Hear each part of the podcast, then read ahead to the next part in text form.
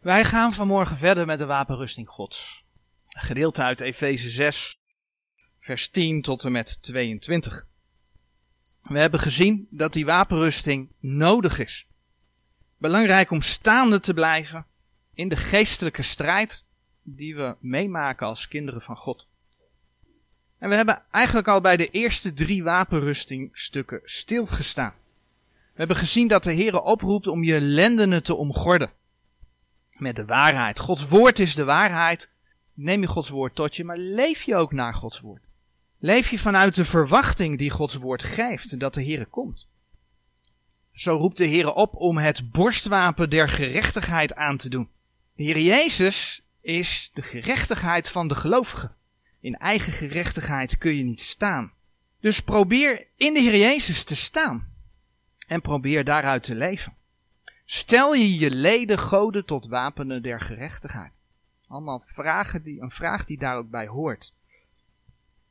En de laatste keer dat we bij de wapenrusting stilstonden, hebben we gekeken naar de voeten. De Heer roept je op om je voeten geschoeid te hebben. Geschoeid te hebben met de bereidheid van het evangelie des vredes. Het bereid zijn, dat gaat dus over voorbereid zijn.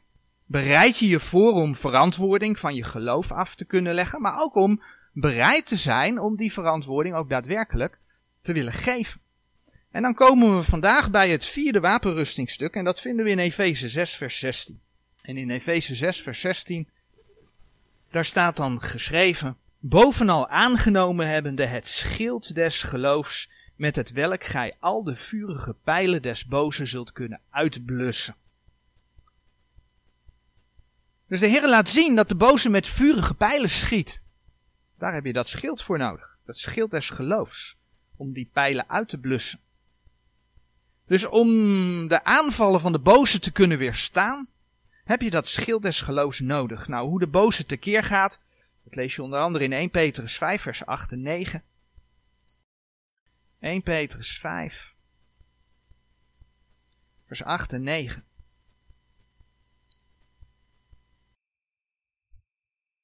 En in die verse lezen we: Zijt nuchter en waakt, want uw tegenpartij de duivel gaat om als een briesende leeuw, zoekende wie hij zou mogen verslinden. De welke wederstaat vastzijnde in het geloof, wetende dat hetzelfde lijden aan uw broederschap die in de wereld is, volbracht wordt.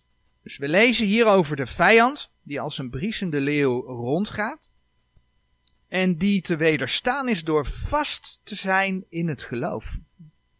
De welke wederstaat vast zijnde in het geloof. Dus het geloof, we hebben het over het schild des geloofs. Het geloof helpt je om vast te zijn om de boze te kunnen weerstaan. Als we dan terugkomen bij Efeze 6 vers 16, dan lezen we daar wel bovenal aangenomen hebbende. Dus dat wordt tegen gelovigen gezegd, hè? je hebt de Heer Jezus aangenomen. Maar je moet wel dat schild des geloofs ook aannemen. In het geloof staan. Efeze 6 vers 16 bovenal aangenomen hebbende het schild des geloofs. Nou, in Hebreeën 11 vinden we een definitie van Gods woord, in Gods woord, van wat geloof betekent. Hebreeën 11 vers 1. Het geloof nu is een vaste grond der dingen die men hoopt en een bewijs der zaken die men niet ziet. Een vaste grond en een bewijs. Dat staat er geschreven. Hebreeën 11 vers 6 zegt vervolgens nog. Maar zonder geloof is het onmogelijk Goden te behagen, want die tot God komt moet geloven dat Hij is en een beloner is dergenen die Hem zoeken. Met andere woorden, alleen door geloof kun je gemeenschap hebben met de Heere God. als gelovige behoor je je te omgorden met de waarheid. Daarbij gaat het erom dat je Gods woord, hè, wat waarheid is, als waarheid aanneemt. Zou je zeggen dat is vanzelfsprekend? Nou, kijk om je heen vandaag de dag is helemaal niet zo vanzelfsprekend. Want als het woordje niet uitkomt, pas je het aan. Maak je er wat anders van. Dus neem je het woord ook aan. Het gevolg is, dat zie je ook in, eh, in, in charismatische kringen. Als je dat woord niet aanneemt, dan ga je je meestal door je gevoel laten, eh, laten, laten meevoeren naar allerlei wind van leer. Is niet alleen in charismatische kringen, maar ik noem dat omdat daar dat gevoel vaak zo op de voorgrond staat. Anders ga je tot allerlei wind van leer komen. Efeze 4 vers 14 spreekt daarover. Nou, de basis van het geloof ligt volgens de Heere zelf in zijn woord. In uh, Galaten 3 vers 2 lezen we bijvoorbeeld. Galaten 3 vers 2. Dit alleen wil ik van u leren. Hebt gij de geest ontvangen uit de werken der wet? Of uit de prediking des geloofs? En even verderop zegt, uh, zegt vers 14, opdat de zegening Abrahams tot de heidenen komen zou in Christus Jezus, en opdat wij de belofte des geestes verkrijgen zouden door het geloof. Nou, Efeze 1, vers 13 en 14 vertellen zo mooi dat als je tot geloof komt, dat je verzegeld wordt door de Heilige Geest. Dus geloof geeft Gods geest. Het is uh, Gods geest die overtuigt. Het geloof, Hebreeën 11 vers 1, is een bewijs der zaken die men niet ziet. Nou, de Heilige Geest overtuigt Johannes 16 vers 8 de wereld van zonde, van gerechtigheid en van oordeel. Maar ook als gelovige doet de Heilige Geest, uh, ook voor de gelovigen doet de Heilige Geest overtuigingswerk. 1 Korinthe 2 vers 10. 1 Korinthe 2 vers 10. Laat ik vers 9 er even bij lezen. Maar gelijk geschreven is hetgeen het oog niet heeft gezien en het oor niet heeft gehoord. En in het hart des mensen niet is opgeklommen. Hetgeen God bereid heeft, dien die hem lief De God heeft het ons geopenbaard door zijn geest. Want de geest onderzoekt alle dingen, ook de diepten Gods. En dan zegt vers 12 nog. Doch wij hebben niet ontvangen de geest der wereld, maar de geest die uit God is, opdat wij zouden weten de dingen die ons van God geschonken zijn. Dus door het geloof bewijst Gods geest de mens de zaken die men niet ziet. Dat hebben we net ook in deze versen in 1 Korinthe 2 gelezen. En daarbij is Gods woord de basis. En Romeinen 10 vers 17 bijvoorbeeld staat op de dia. Zo is dan het geloof uit het gehoor en het gehoor door het woord Gods. Geloof, uh, Gods woord is de basis van dat alles. Gods woord presenteert de feiten over het geloof. Feiten over wie wij zijn. Feiten over Gods plan voor de wereld. Feiten over Gods plan voor de mensheid. Over zijn reddingsplan. Ja, en Gods, de Heere God heeft zichzelf bewezen door zijn woord. Zijn woord is waar. Denk aan de profetieën die allemaal uitkomen. Profetieën over de eerste komst van de Heer Jezus. Allemaal uitgekomen. 100%. Gods woord is de waarheid. Dus mensen kunnen zich op basis van die feiten laten overtuigen. En dan gaat het dus niet om ons geloof, om mijn geloof, om jouw geloof, om zijn of haar geloof. Hè? Iets wat in deze wereld nogal we vaak horen. Dat men zegt van ja, maar dat is jouw geloof. Nee, het gaat om feiten in de schrift. Het gaat niet om wat ik ervan gemaakt heb en dat ik het daarom geloof. Mijn geloof, jouw geloof kan je niet redden. Wel het geloof in Jezus Christus van de schriften. Ja, en mensen hebben gevoel, dat klopt. Maar gevoel kan je misleiden. Dus het gaat eerst om de feiten van Gods woord. Ja, en gebaseerd op, op, op dat krijg je ook te maken met je gevoel. Want de mens heeft nou eenmaal gevoel. En soms is dat gevoel in overeenstemming met Gods woord. Bijvoorbeeld, uh, als je je zondig weet en voelt, kan heel naar voelen. Maar het komt wel overeen met Gods woord. God wil zonde openbaren. Dan kun je er ook iets aan doen. Kun je beleiden. Kun je tot erkentenis der waarheid komen. Ander gevoel, vreugde. Je kunt de vreugde van de Heer ervaren. Dat kan zeker. Maar soms moet je gevoel ook onder gehoorzaamheid aan de schrift brengen. Dan weet je gewoon, dit strookt niet met de schrift. En ondanks dat je daar een bepaald gevoel bij hebt, de Heer zegt, leven vanuit geloof. Leven vanuit geloof gebaseerd op Gods woord. En de Heer heeft zijn woord bewaard. In Psalm 12, vers 7 en 8 lezen we dat. Die overbekende teksten. Dat de Heer zegt uh, over zijn woorden, de, de reine redenen. Gij, Heere, zult hen bewaren, gij zult hen behoeden voor dit geslacht tot in eeuwigheid. Dat zijn zijn beloften. Geloof je dat dan ook? Durf je te staan op Gods woord, zoals hij dat voor Nederland bewaard heeft in de Statenbijbel? Laat je je niet van de wijs brengen op het moment dat er mensen komen die zeggen, ja maar ach, die Statenbijbel is ook maar een vertaling. En dan aan de hand van de zogenaamde grondtekst, vaak vervalst, En al nemen ze de grondtekst van de Statenbijbel, de vervalste lexicons gebruiken en dan nog bij valse definities van woorden uitkomen. En dan hun eigen draai aan de schrift gaan geven. Dat gebeurt. God heeft zijn woord bewaard en bewezen. Je kunt op zijn belofte gaan staan. En vanuit dat geloof, gebaseerd op de schriften, heb je dus een vaste grond der dingen die men hoopt en een bewijs der zaken die men niet ziet. Dat was Hebreeën 11 vers 1. En juist daarvoor is die geestelijke wapenrusting toch, want Efeze 6 vers 13 zegt,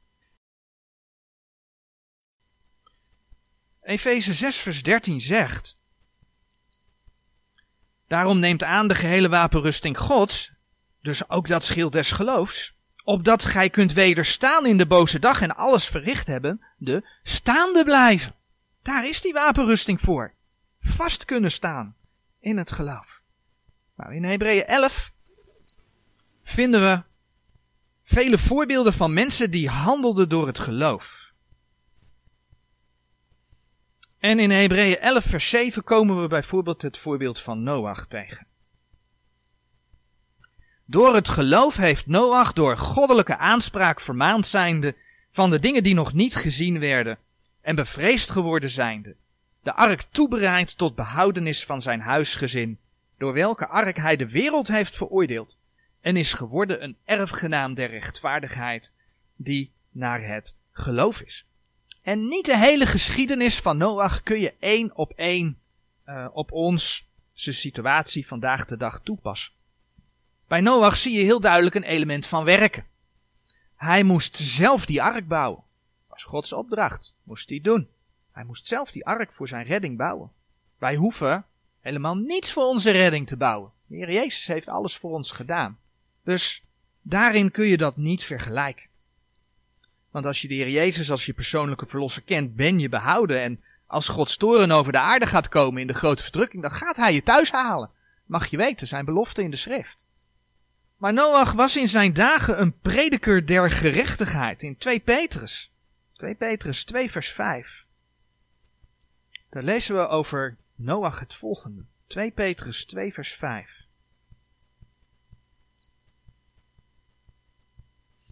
En de oude wereld niet heeft gespaard, maar Noach, de prediker der gerechtigheid, zijn achttal bewaard heeft, als hij de zondvloed over de wereld der goddelozen heeft gebracht. Ondanks dat de mensen hem waarschijnlijk uitlachten, in elk geval ze kwamen niet tot bekering, dat vers zegt, Noach en zijn achttal werden gered. Nou, het feit dat Noach predikte, dat was wel om de mensen te confronteren met wat er komen ging. Maar mensen wilden het blijkbaar niet. Maar ondanks dat hield Noach vast aan wat de Heere hem geopenbaard had. Noach hield stand door het geloof. Hij gehoorzaamde Gods woord. En hij bouwde die ark. Hij en zijn gezin werden gered. En ondanks dat het niet zozeer op onze, op onze redding betrekking heeft, maar spoort je dat niet aan om je vast te klampen aan Gods woord, naar het voorbeeld van Noach. Als je dat geloof kunt staan, zegt de Heere, zullen de pijlen van de boze uitgeblust worden. Nou ja, wat kunnen die pijlen dan zijn? Dat kan van alles zijn. Een aanval kan zijn op je vertrouwen in Gods woord. Eigenlijk heb ik het daar net al even over gehad. Maar als die basis weg is, als dat vertrouwen weg is, als dat geloof weg is, dan vervalt de rest vanzelf. Nou, kijk vandaag om je heen, vandaag de dag, wat er gebeurt in het christelijke wereldje dan zie je dat gewoon gebeuren. De duivel is ook een meester in het geven van een goed gevoel. Daar hadden we het net al even over, over dat gevoel. Een goed gevoel bij onbijbelse leer. Het punt is dat de Satan de wedergeboren gelovige op vele punten probeert aan te vallen. En ja, daar gebruikt hij ook het woord van God voor. Hij citeert teksten, haalt het uit de context, voegt er iets aan toe, doet er ietsjes bij, verandert het een beetje. En ja, als je in Lucas 4 kijkt, verzoeking in de woestijn, de Heer Jezus werd de woestijn ingeleid. Dan komt die duivel, en wat doet die duivel? Die citeert tegenover de Heer Jezus Gods woord. Haalt een tekst gewoon ergens uit de context en zegt, confronteert de Heer Jezus daarmee. Ik noemde de charismatische beweging al even. Maar daar wordt veel op het gevoel gespeeld. Als het goed voelt, ja, dan moet het wel goed zijn, denkt men veelal. Maar dan komt het, dan bladeren we naar 2 Korinthe. Die duivel die kan zich manifesteren als een engel des lichts. 2 Korinthe 11 lezen we vanaf vers 13. En dat blijft niet alleen beperkt tot die duivel. Ook zijn dienaren kunnen net doen alsof ze dienaren van Christus zijn. Als we in 2 Korinthe 11 eh, vanaf vers 13 lezen, dan lezen we daar. Want zulke valse apostelen zijn bedrieglijke arbeiders, zich veranderende in apostelen van Christus. En het is geen wonder, want de Satan zelf verandert zich in een engel des lichts. Zo is het dan niets groots, indien ook zijn dienaars zich veranderen als waren zij dienaars der gerechtigheid, van welke het einde zal zijn naar hun werken. Dus daarom sta in het geloof op grond van Gods woord. Je weet wat God zegt, wat de Heer zelf zegt in zijn woord. In het gedeelte van Lucas 4 wat ik aanhaalde, daar zie je dat de Heer Jezus de duivel ook weerstaat door middel van Gods woord. Maar daar komen we op terug als we gaan spreken over het zwaard des geestes. Een aanval kan gebeuren doordat de vijand op je gedachten probeert in te spelen. Als je zwak bent in je hoofd, zwak bent in je gedachten, dan kan dat alle kanten op gaan. Maar daar gaan we op terugkomen bij, uh, bij het volgende uitrustingstuk. Soms kun je zo moe zijn. Weet je, ik ben zo moe. Vandaag lees ik Gods woord even niet. Maar je hebt nog wel dat boek liggen. En je gaat wel dat boek lezen. Dus Gods woord lees je niet. Dat andere ding lees je wel. Het andere boek of tijdschrift lees je wel. Soms komt moeheid maar zo opzetten. Terwijl je bijvoorbeeld goed geslapen, goed gegeten hebt. Ja, net wanneer je die Bijbel wil gaan lezen. Net wanneer je in gebed wil gaan. Moeheid kan een pijl van de boze zijn om jou af te houden van bijvoorbeeld bidden en lezen van Gods woord. En ja, dat kan ook gelden voor slapeloosheid, voor bitterheid, voor teleurstelling. Reacties van mensen, ook zoiets. Reacties van mensen kunnen je in de ban hebben. Het is heel fijn als mensen positief tegen je zijn. Je positief benaderen. Maar wat als dat nu niet gebeurt? Of wat als het tegenovergestelde gebeurt, kom je ook veel in de psalmen tegen. Als iedereen zich tegen je lijkt te keren. Laat je dan daar je leven door leiden. Of zie je op de Heer. Een, een voorbeeld vinden we in Psalm 146, vers 3. Psalm 146, vers 3.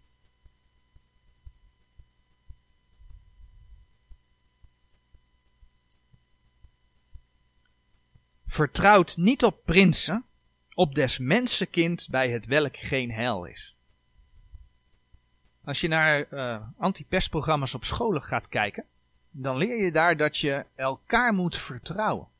Ook op christelijke scholen.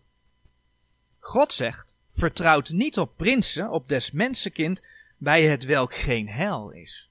Dat is een heel ander uitgangspunt. Vers 4 tot en met 6 gaan verder. Zijn geest gaat uit, hij keert weder tot, de uh, tot zijn aarde, te dienzelfde dagen vergaan zijn aanslagen. Wel gelukzalig is hij die de God Jacobs tot zijn hulp heeft, wiens verwachting op de Heere zijn God is. Die de hemel en de aarde gemaakt heeft, de zee en al wat in dezelfde is. Die trouwen houdt in der eeuwigheid.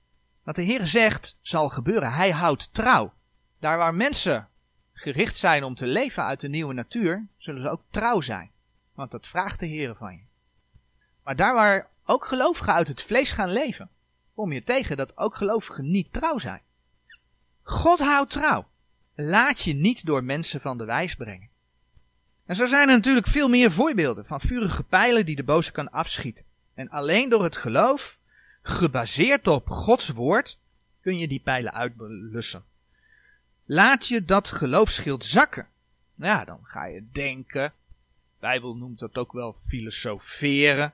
En het gevolg is dat je gaat twijfelen. Ja, weet je, het zou toch ook of je laat je door alle beslommeringen van de dag afhouden van een relatie met de Hemelse Vader.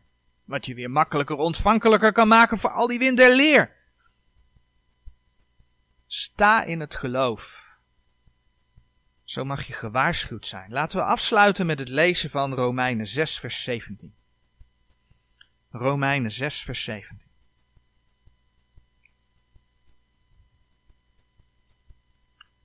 Maar Gode zij dank dat gij wel dienstknechten der zonde waart, maar dat gij nu van harte gehoorzaam geworden zijt aan het voorbeeld der leer, tot het welk gij overgegeven zijt. Je mag van harte gehoorzaam zijn. Als je de Heer lief hebt, mag je hem uit vrije wil dienen. Van harte dienen. Onderwerp je je van harte in geloof aan de schriften, Gods woorden, om zo staande te kunnen blijven te midden van deze wereld. Amen.